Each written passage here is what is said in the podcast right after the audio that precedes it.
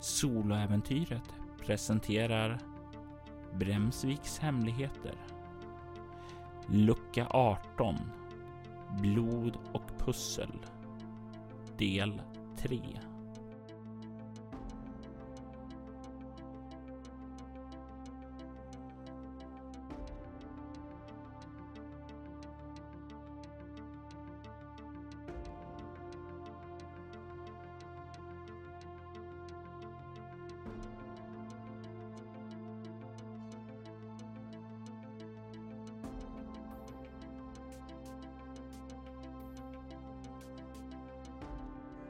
until we are lost do we begin to understand ourselves. Henry David Thoreau.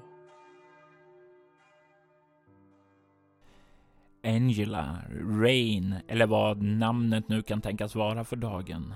Du känner hur hjärtat slår snabbt och professor Jeremiah Ford sänker skalpellen från din hals och säger Duktig flicka. och han låser upp dina handklovar. Kom med mig, Rain. Säger han och börjar gå mot dörren. Jag blänger på honom men jag följer efter. Vad hände med mamma nu? Han stannar till, suckar och sedan vänder han sig om och kollar mot dig. Det är upp till henne.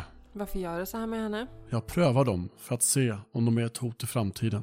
Om de är det så kommer de inte ut, men är de någon som kan göra skillnad, ja, då kommer de härifrån. Vad händer om hon inte dödar någon? Ingenting. Det här handlar inte om att någon måste dö. Det handlar om hur villiga de är att gå över gränser. Är din mors själ ren nog att se det högre målet? Den högre agendan som kan rädda dem alla? Eller kommer hon att kasta dig åt sidan för att rädda dig? Blänger på honom. Men nu kommer ditt test.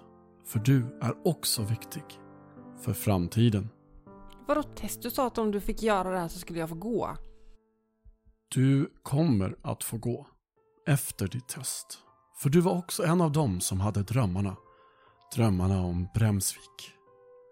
Tro inte att vi inte har lagt märke till dig och ditt sökande om någon på nätet. Det betyder ingenting. Det är bara, jag har bara sökt för att det är intressant.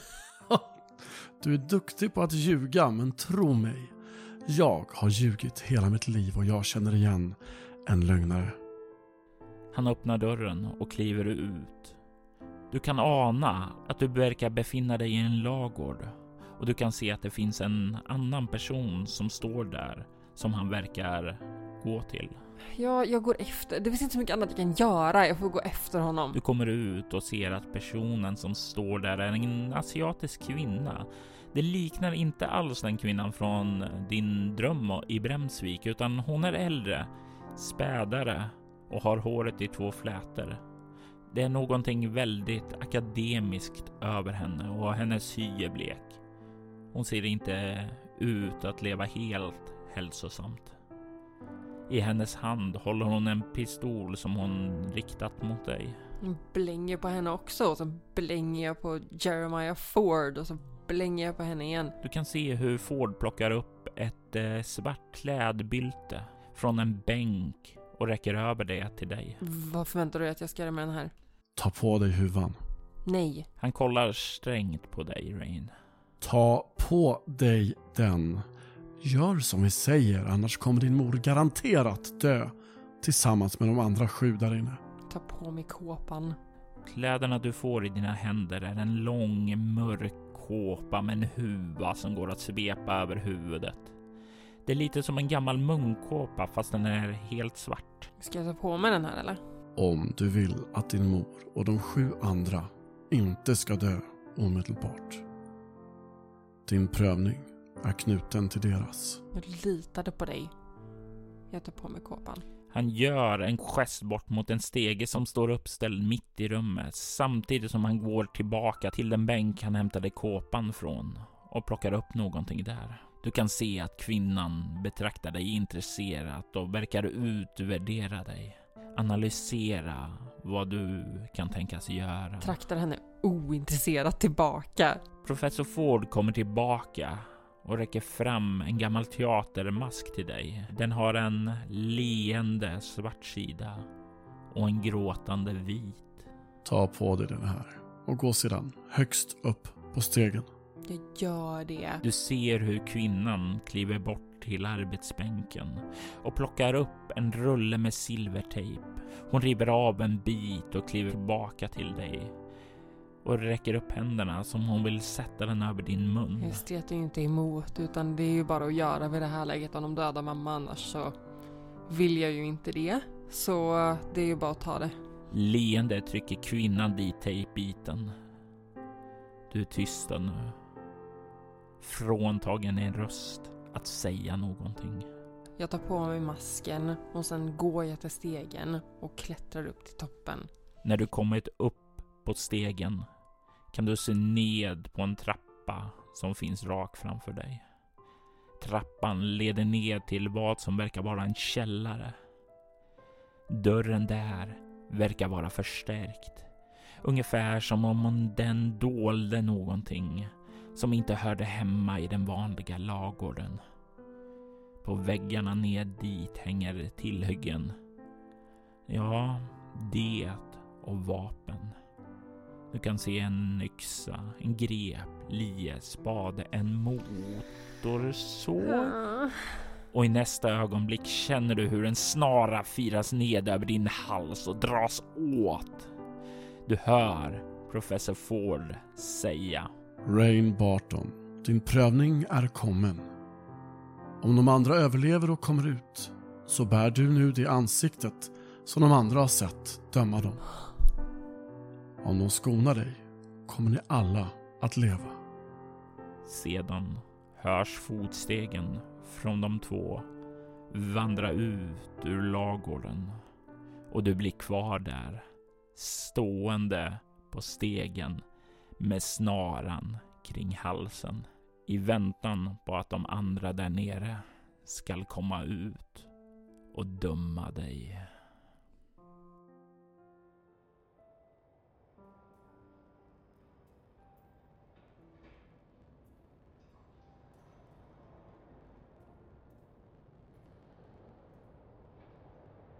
Prövningarna fortsätter och efter att ha skådat sin ja, vän är ett väldigt, väldigt starkt ord, men eh, bekanta frätas sönder av syra så lyckades alla ta sig ur sina hålor i väggen, krypa ned och landa på kläder.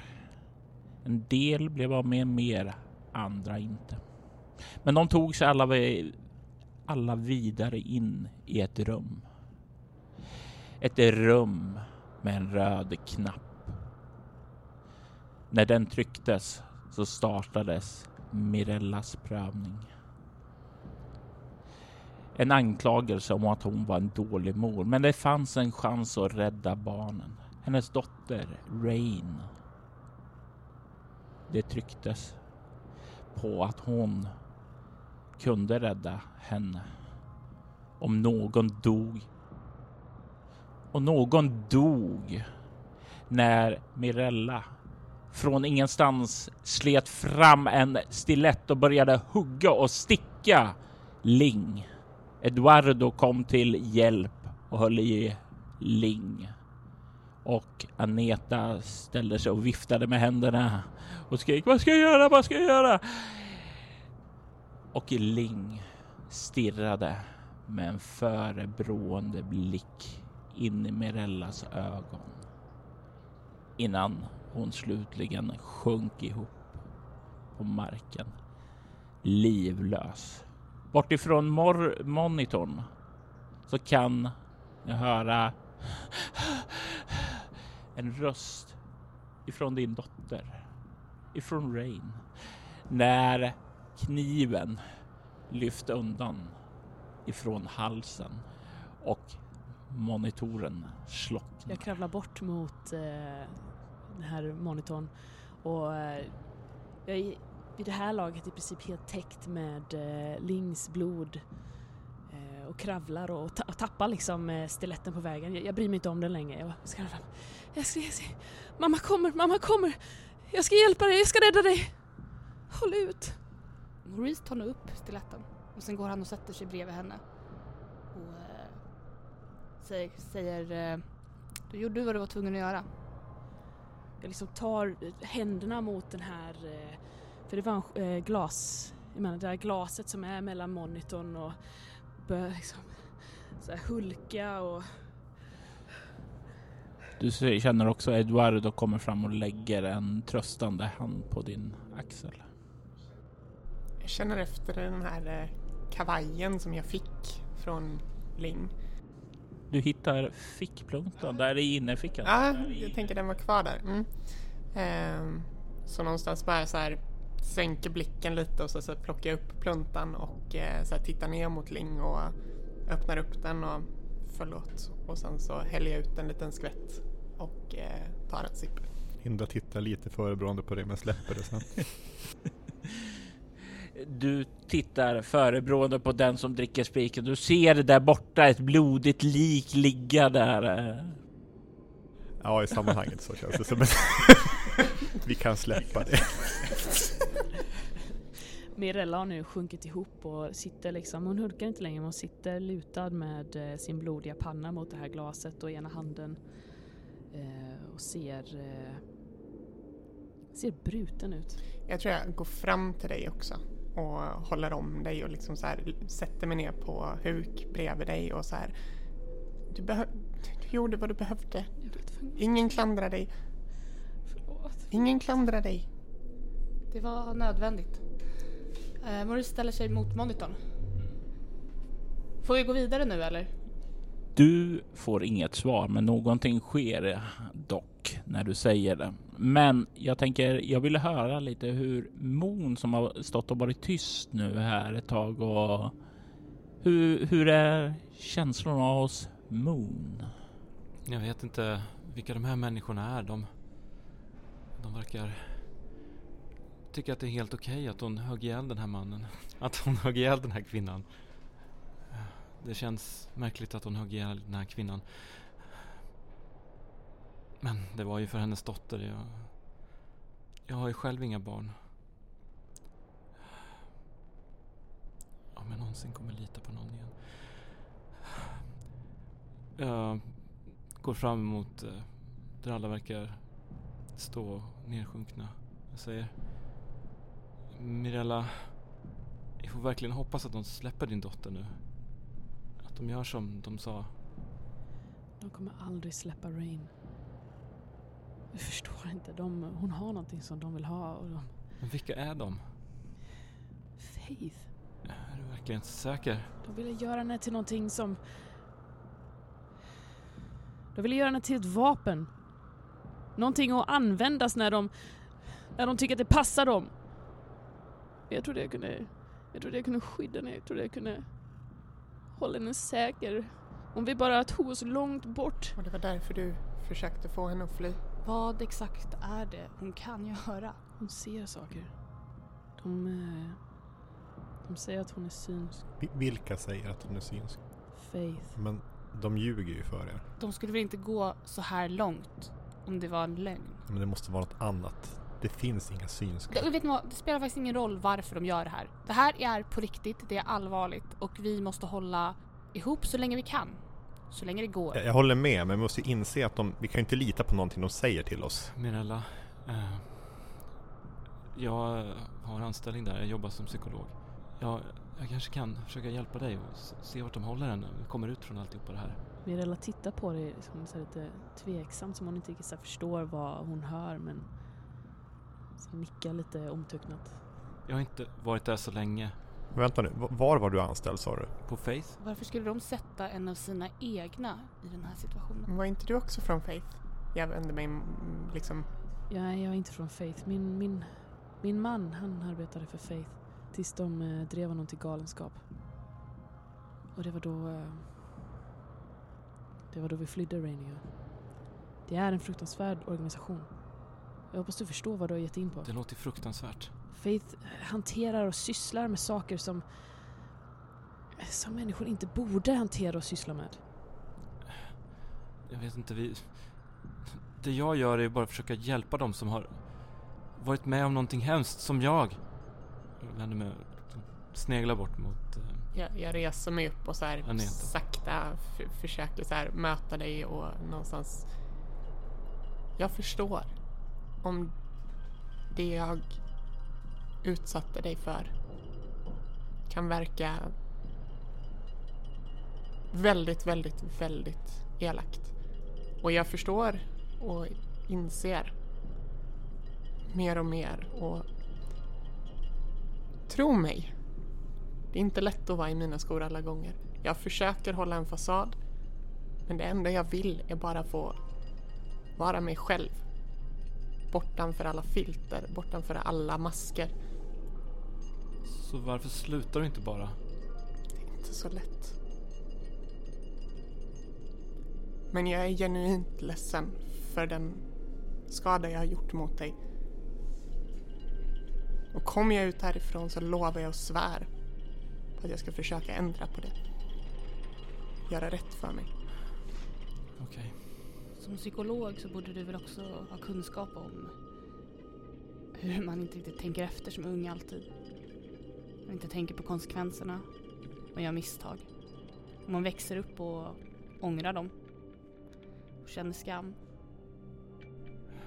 Självklart. Men... Äh, ja. Det där äh, var kanske mestadels passerat för mig.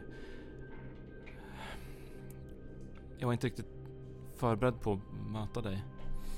Om vi kommer ut härifrån så tycker jag att alla ska göra ordentlig bakgrundsresearch innan ni tar anställning åt ett företag. För det verkar som att en del har gjort lite tveksamma val i det här fallet. Ehm, jag vet inte om det här är relevant, men jag hittade en eh, lapp på Lings kropp. Det står Det som dricker av flaskans innehåll kommer att bli förgiftade, men även se sanningen. Om ni ska ta er levande ut ur prövningen måste någon av er dricka och knyta sig till döden.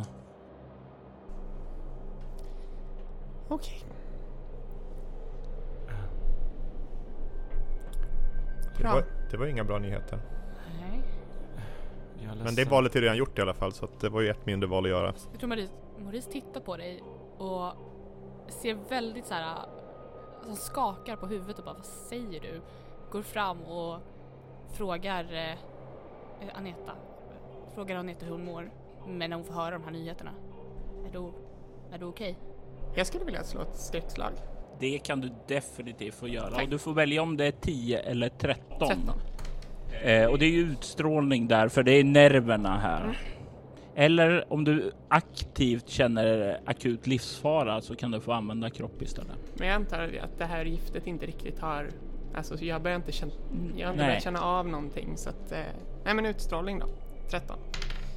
Eh, det är 10 totalt. Då får du tre skräcknivåer. Linda märker ju hur skärrad Aneta blev. Och, eh, men, men lyssna nu. Alltså, Du. nästan allting de har sagt är lögn. Det är ingenting som Linda. säger att det faktiskt är så här. Linda, var lite tyst. Linda är tyst.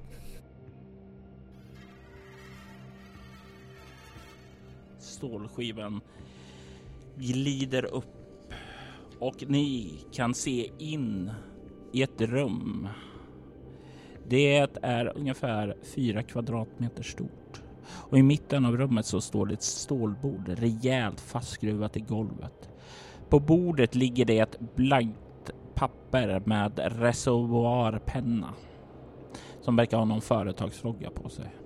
Längst bort i rummet så finns det en träkonstruktion bakom en liknande glasruta. Så som det i rummet ni står i nu. Den verkar bestå av en ram med fem vågräta och fem lodräta träknappar. Exakt vad de föreställer syns inte genom glaset. Ni står alla utanför. Tittar liksom inte ens på dig men så här någonstans har verkligen låtit dig om du omfamnar mig eller så. Det. I, I let it happen. Men med det så, så här höjer jag blicken, torkar ögonen och så bara så här. Låt oss gå till nästa rum. De som första som kliver in där jag kommer fram kan se att pennan har en företags logotyp. Alpha 1 Omega Industries. När den sista av er kliver in så slår stålskivan ned bakom er. Och därefter så skjuts i det in i rummet ett skarpt, högt, dovt basljud som pulserar genom hela rummet. Och ni känner hur det liksom sliter i kroppen nästan inom och ni känner hur saker och ting vibrerar inom er. Ni känner också en vag känsla av yrsel och illamående.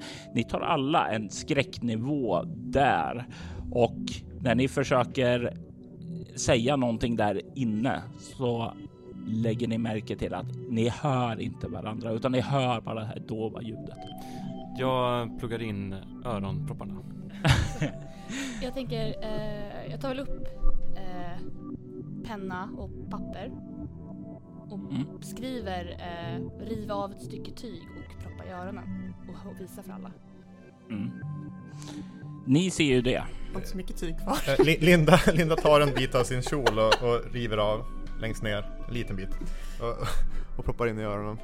Ja, och du lägger märke till. Ja, det, det är visst hjälper lite grann, men inte alls eh, mycket. Det är nästan vanliga öronproppar inte skulle Jag, ge jag, någon jag effekt. signalerar avvärjande till de andra. Jag, Jag, jag, eh, Linda springer fram till, till träknapparna. Mm, och det är ju bakom en glas, eh, glasruta som Mm. du inte riktigt kan se Men igenom. försöka studera så gott det går i alla fall. Åtminstone, är, de, är det som ett kors? Eller jag förstod inte riktigt hur det var. Det är som en Är det, är det, fem, det är fem gånger fem? Det är Knappar. Ja. precis fem gånger Ja, fem så det är, det är 25 eh, knappar. ja, Och man, och man kan inte trycka på dem för det är en glasskiva i vägen. nej, men ni kan se nu när ljudet börjar tjuta genom hela rummet. Det dova mullret att det börjar spricka i glaset. Jag tecknar eh, på teckenspråk om det är någon som förstår mig. Eh, du kan eh, se Eduardo säger jag talar väldigt dålig teckenspråk. Jag skriver på pappret igen och frågar om det är någon som förstår vad vi ska göra. Ni, du, eh, Moon.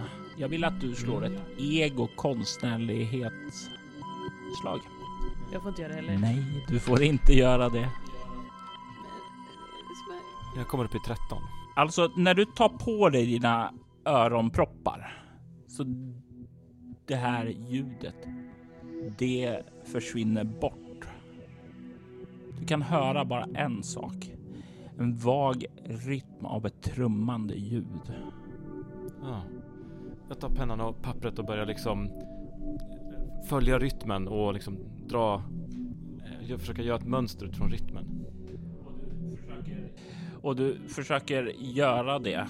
Eh, bakgrunden så ser ni hur det börjar spricka upp mer på den här eh, glasskivan. Och du, du, du kan inte riktigt snappa upp det. Alltså du, du, du känner att det är en rytm och du känner att det, det finns något här i antal trummande, men du får inte riktigt kläm på det. Förs- eh, kan vi, får vi slå för att förstå vad han håller på med? Eh, jag, jag, jag skriver eh, rytmen, mönster? Frågetecken. Jag tar pennan och skriver tillbaks. Jag är musiker. Moon eh, liksom kniper ihop ögonen och drar ut öronpropparna och räcker över dem. Maurice knackar på klockan bara för att notera att tid. Får jag slå för min konstnärlighet nu? Nu får du slå ego konstnärlighet. Eh,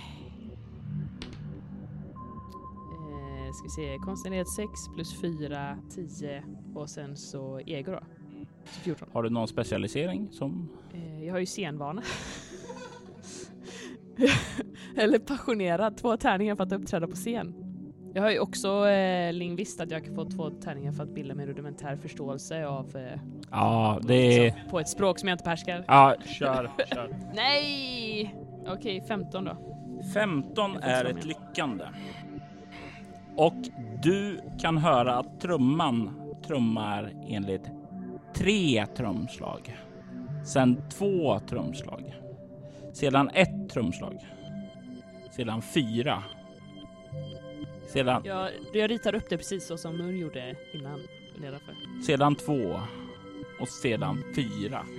Ni andra ser hur det här glastavlan spricker för vibrationerna som finns här i rummet och faller ned. Jag tar ur eh, de här öronpropparna och ger tillbaka dem till mun. Eh, Okej, jag proppar in dem igen. Ni kan se att det finns, ja det verkar vara en träram och sedan träknappar som verkar kunna gå att trycka in. Och det är ord som står där. Ni kan se att det är fem rader med text, ett ord i varje. Jag lägger fram en eh, handout här sedan med dem på, men för lyssnarna så läser jag upp dem också. Första raden så står det väg, hav, myr, vik, kust. På nästa så står det ande, magi, spöke, dröm, själ. Nästa står det myra, broms, bi, spindel, larv. Näst sista så står det järn, sten, guld, brons, jord. Och den femte och sista. Spel, sprit, sex, synd, spex. Och de eh, finns i, på den lodräta sidan så står det med 1, 2, 3, 4, 5 på ramen med romerska bokstäver.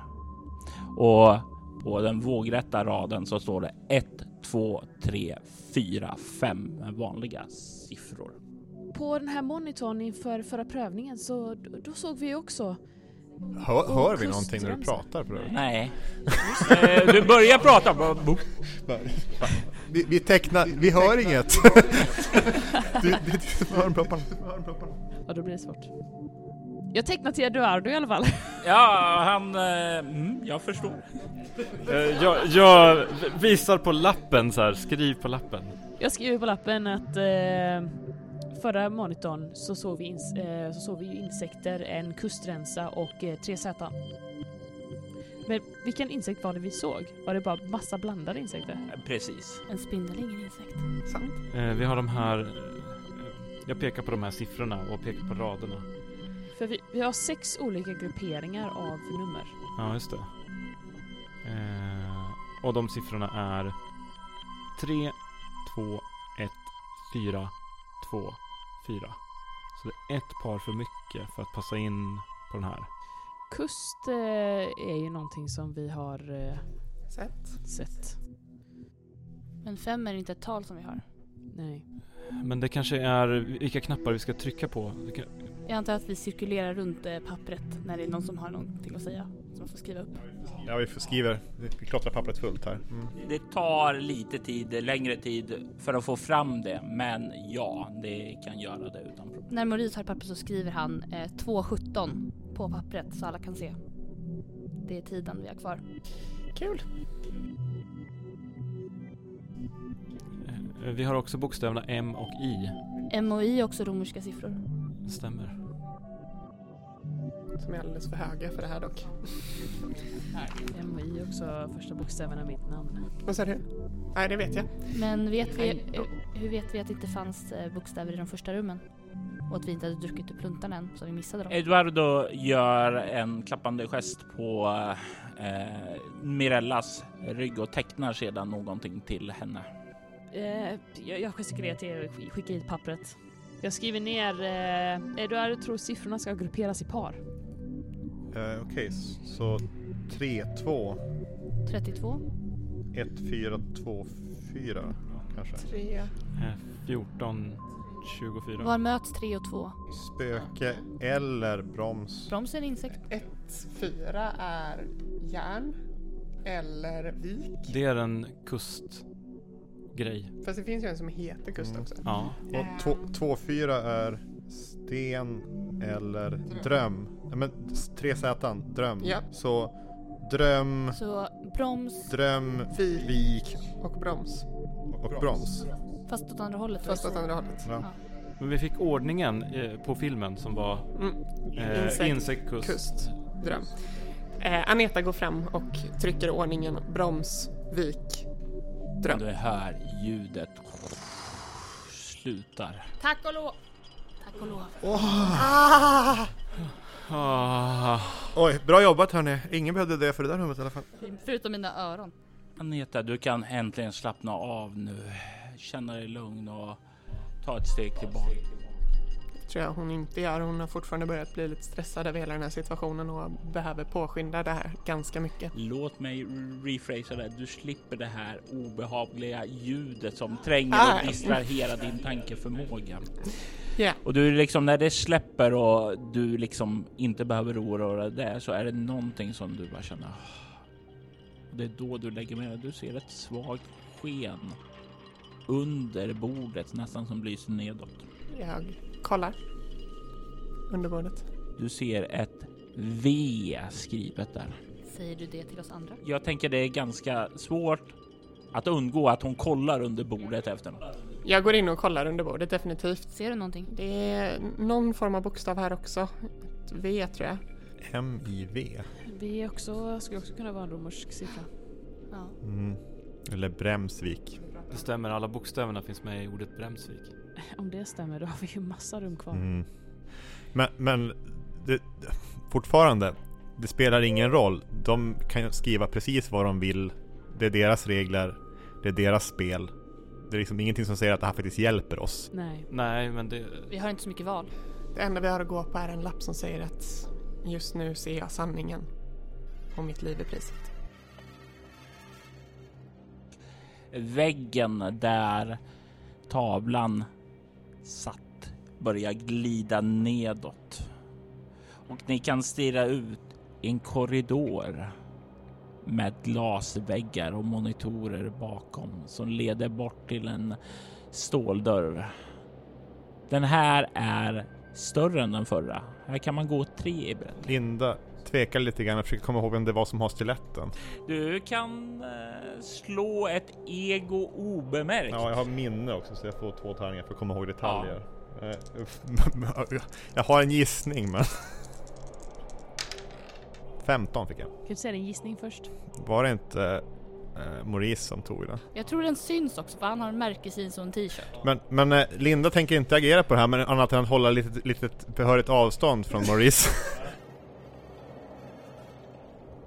Ni kan se hur monitorerna tänds och domarens ansikte syns återigen där. Åtalad. Denna gång är Maurice Redfield. En man som genom åren har blivit mästare på att dupera män såväl kvinnor. Han söker ständigt efter mer makt och förrådde därför sina gamla gängmedlemmar som litade och såg upp till honom. Maurice fick dem dödade bara för att kunna stiga i aktningen hos mer inflytelserika brottsfurstar. Idag lever han en skyddad tillvaro i väntan på vad som skulle ske härnäst. Och samtidigt som han presenterar det här så kan ni se bilder på Maurice på ett hotellrum stoppa några piller i en drink, gå bort till en man och servera den. Eh, det är en ganska kostymklädd, skötsam, ansvarsfull man. Han tar drinken eh, och Maurice slår sig ned vid hans sida. Ett flertal eh, klipp sker där de ser och samtalar och mannen dricker ur sitt glas och Maurice väldigt förföriskt och sitter nära och romantiskt pratar med honom. Den här skötsamma mannen, Moon, känner du igen. Det är psykologen Mario Vittori som eh, ja, hjälpte dig genom en jättesvår tid. Till slut kommer ett klipp där Mario ligger utslagen. Morris ganska kyligt tar upp en telefon, ringer ett samtal.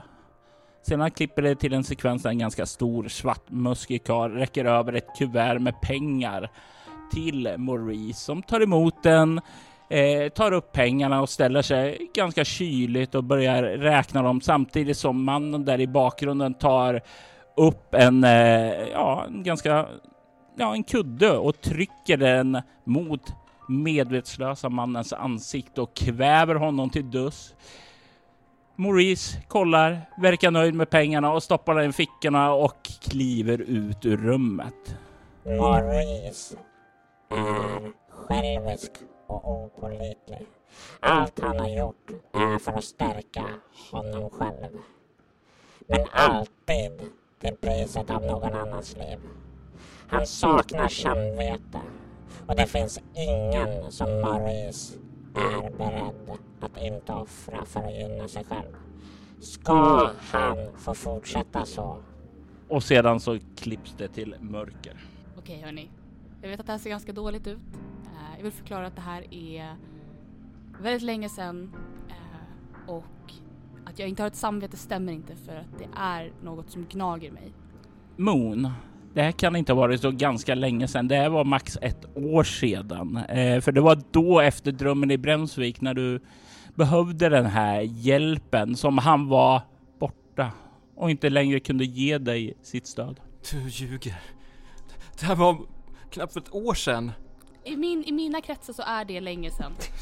Jag är hemskt ledsen. Hur många har du egentligen sett till att de blev bortförda? Jag har inte gjort det. Jag, Eh, hörni, ha- han har kniv. Men alltså Han har kniven. snälla någon, kan ni alla jag kommer bara inte lugna använda den. ner Jag kommer er? inte använda den. Och hur ska vi kunna lita på det? Ingen här är oskyldig. Han är lika oskyldig precis som vi andra. Och vad ni har för hemligheter, det vet jag inte än, men det kommer säkert komma fram. Självklart fortsätter vi på samma sätt som innan. Vi friar honom. Det finns en risk att jag kommer dö där ute ändå. Men eh, det är ni som avgör om det blir här och nu. Men jag kan lova er att det jag har gjort, det gör jag inte. Det har jag inte gjort samvetslöst. Vi friar dig på ett villkor. Inga villkor, vad snackar du om?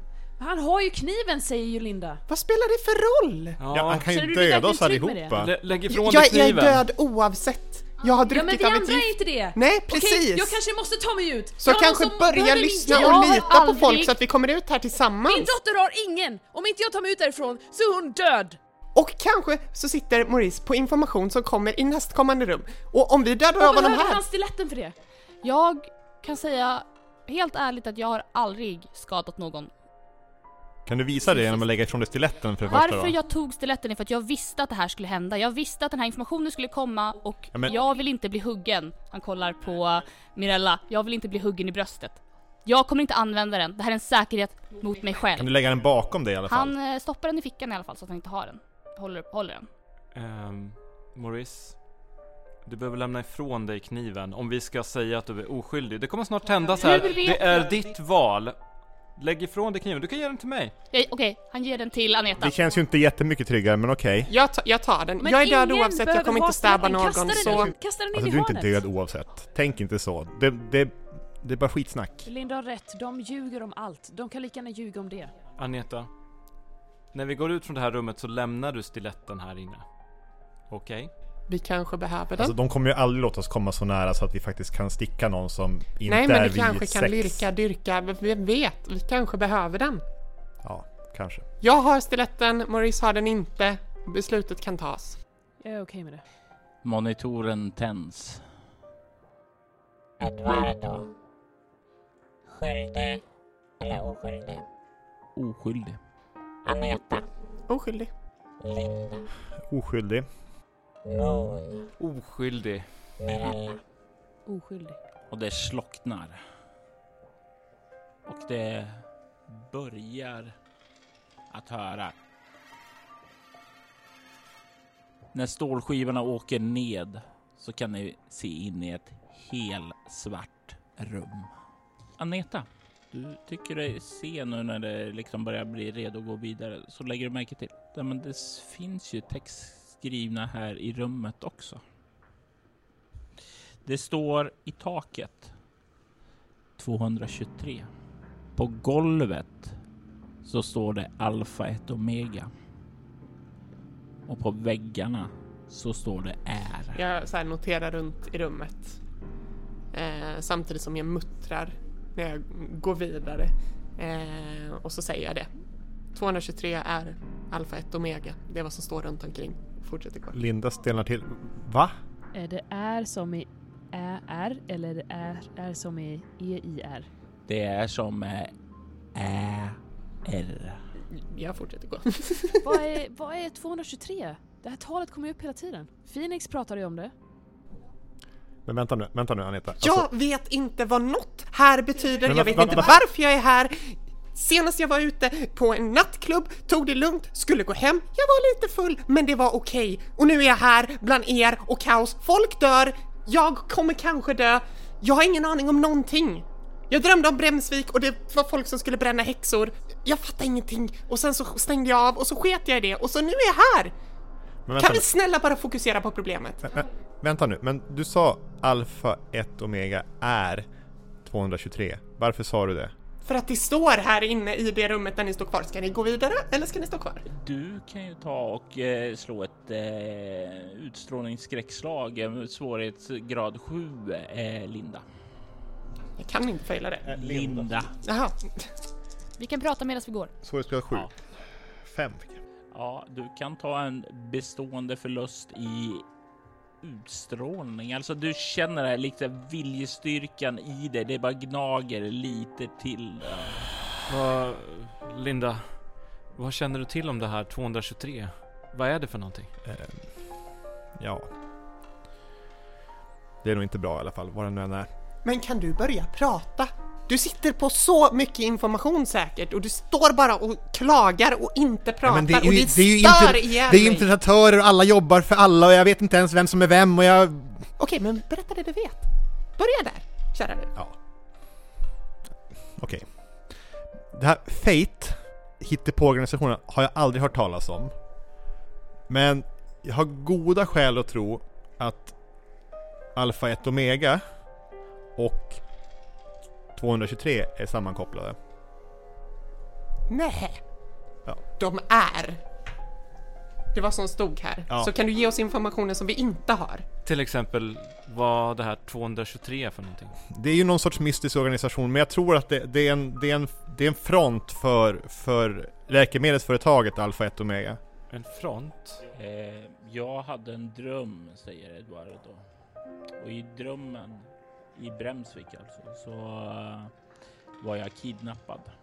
Jag hölls där fången av eh, en organisation som kallas för 223.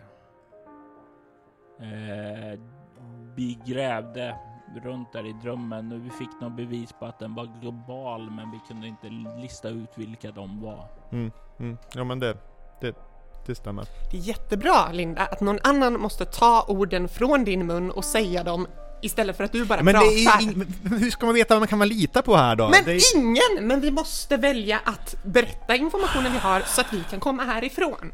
Okej. Du är i samma sitt som vi. Så varför ska du sitta och in- hålla på information? Men Jag börjar muttra på eh, polska och säga så här, hoppas den jävelns jävla eh, sanning kommer fram snart också så jag jag får... har, jag har lingvistik 4, men jag antar att just polska är inte någonting jag behärskar. Eh, nej, eh, inte så. Det är ju om du har polska under språk så. Nej, hon, hon har lingvistik 4 men behärskar engelska. Ja, nej, men alltså du kan väl få ungefär Ja. geisten. Nej. Det är nog inte hon säger eh, att det är trevliga saker där. Förstår det. Nåja. Det verkar inte komma någon mer information så Moon eh, går in i nästa rum. Ja, då är det två som är där inne Kan ni komma nu innan dörren stängs? Maurice går in. Jag har också gått in. och då kliver Edward också in Ja, Linda går in. efter Linda som är sist in. Det är becksvart här. Det är lite kyligt. Ni kan höra hur det sprakar till och sedan så hörs det en röst som talar till er.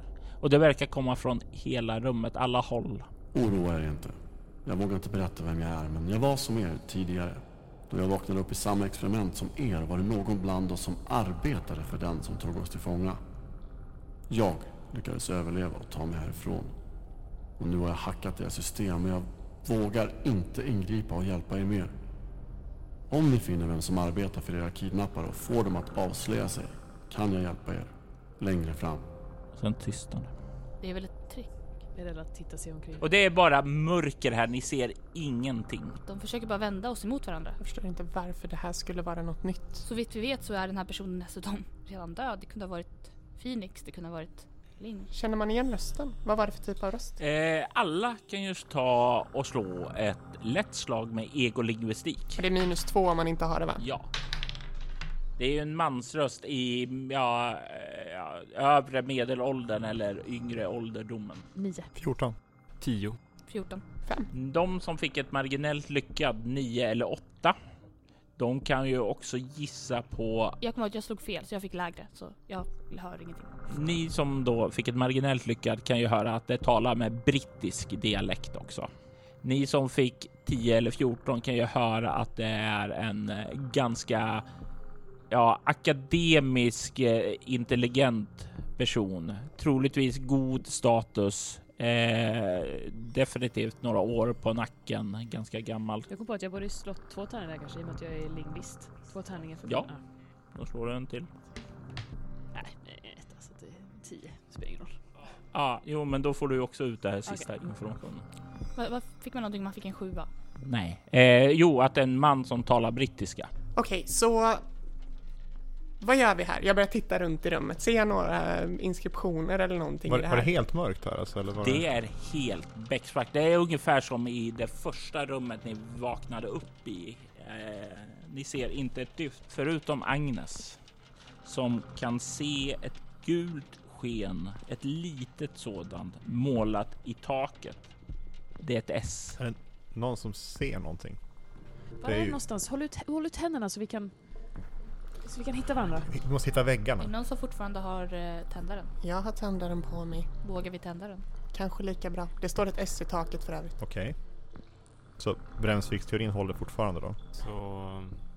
Är det du eller? Vad? Är det du Linda? Vad? Som är eh, den som jobbar för dem? Vi kan inte hålla på och anklaga varandra, då kommer det bli... Kan vi snälla bara släppa den tanken just nu?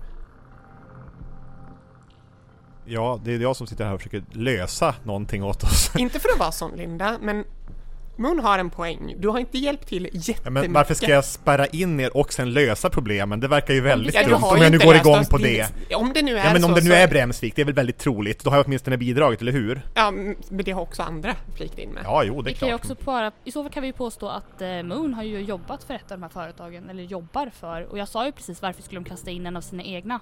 Men jag vill inte heller hålla på och kasta sten, Moon, eftersom att vi, de vill vända oss emot varandra.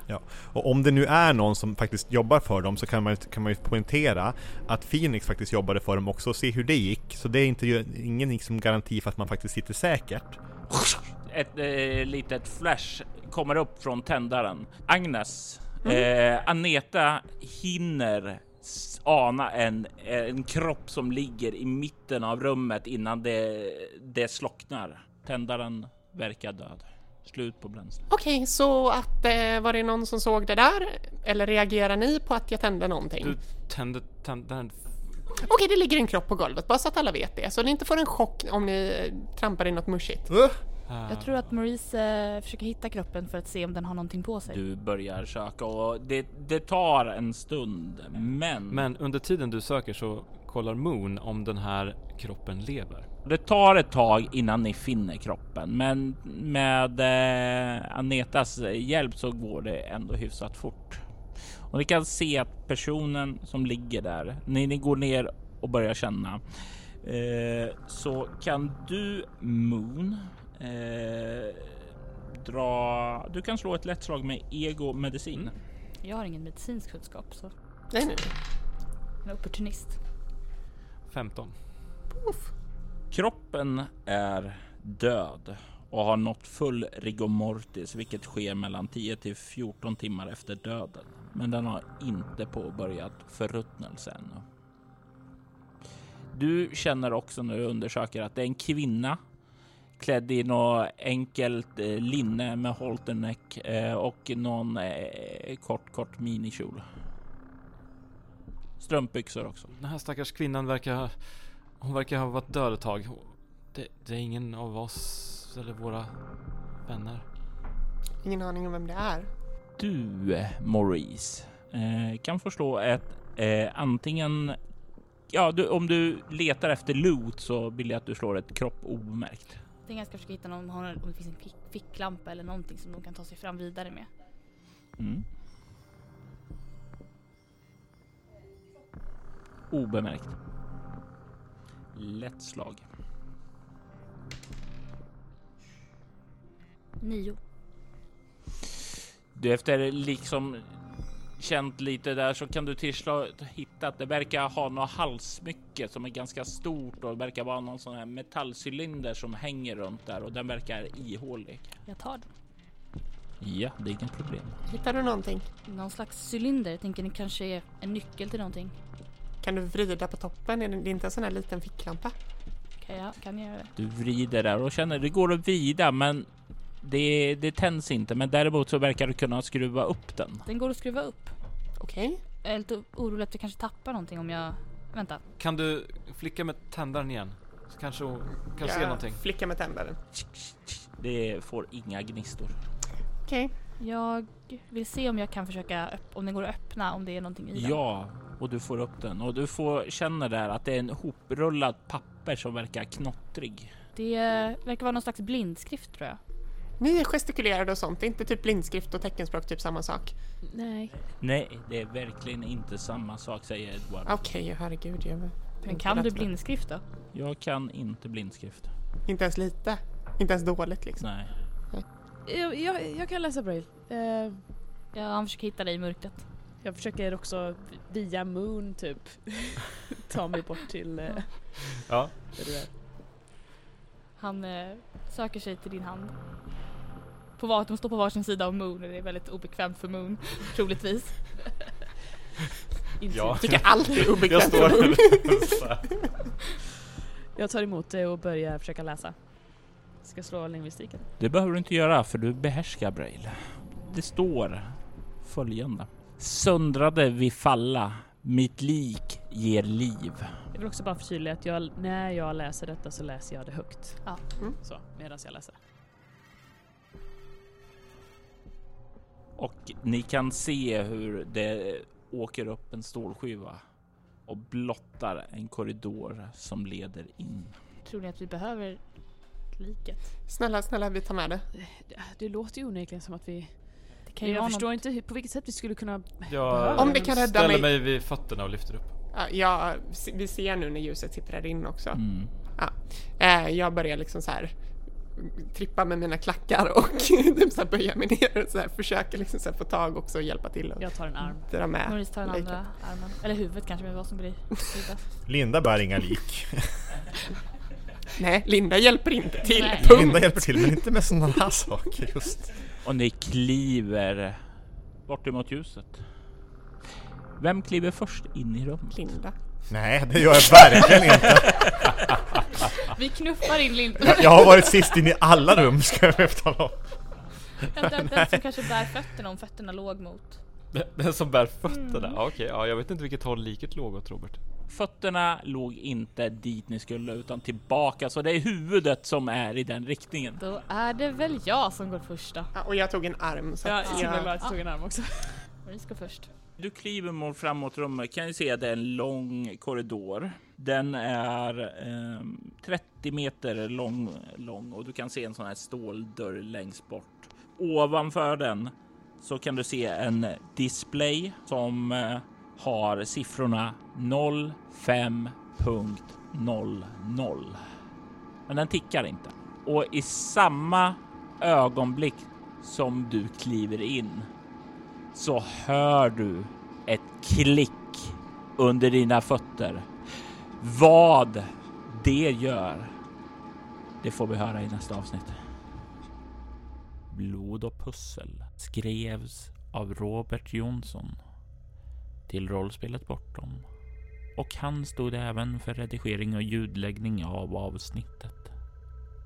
Spelledaren i detta avsnitt var Robert Jonsson Spelare i detta avsnitt var Moa Frithiofsson som Florence Barton och Mirella Moretti.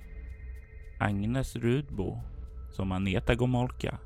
Maja Emily Sögaard Widerberg som Maurice Redfield.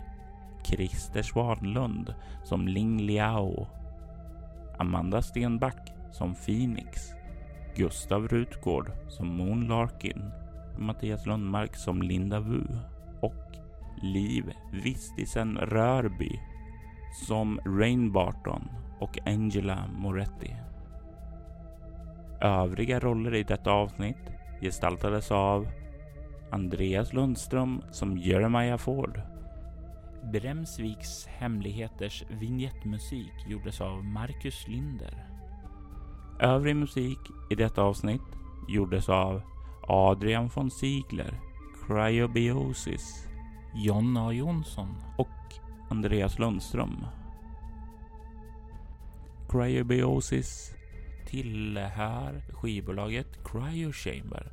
Om du vill höra mycket trevlig, atmosfärisk och stämningsfull musik så rekommenderar vi att vi kollar in länkarna till Cryo Chamber i avsnittets inlägg. All musik i avsnittet används med tillstånd. Mer information om rollspelet Bortom hittar du på bortom.nu och mylingspel.se. Följ gärna soloäventyret på Instagram och Twitter under namnet Spela Bortom eller på Facebook som Soloäventyret. Tack för att du har lyssnat.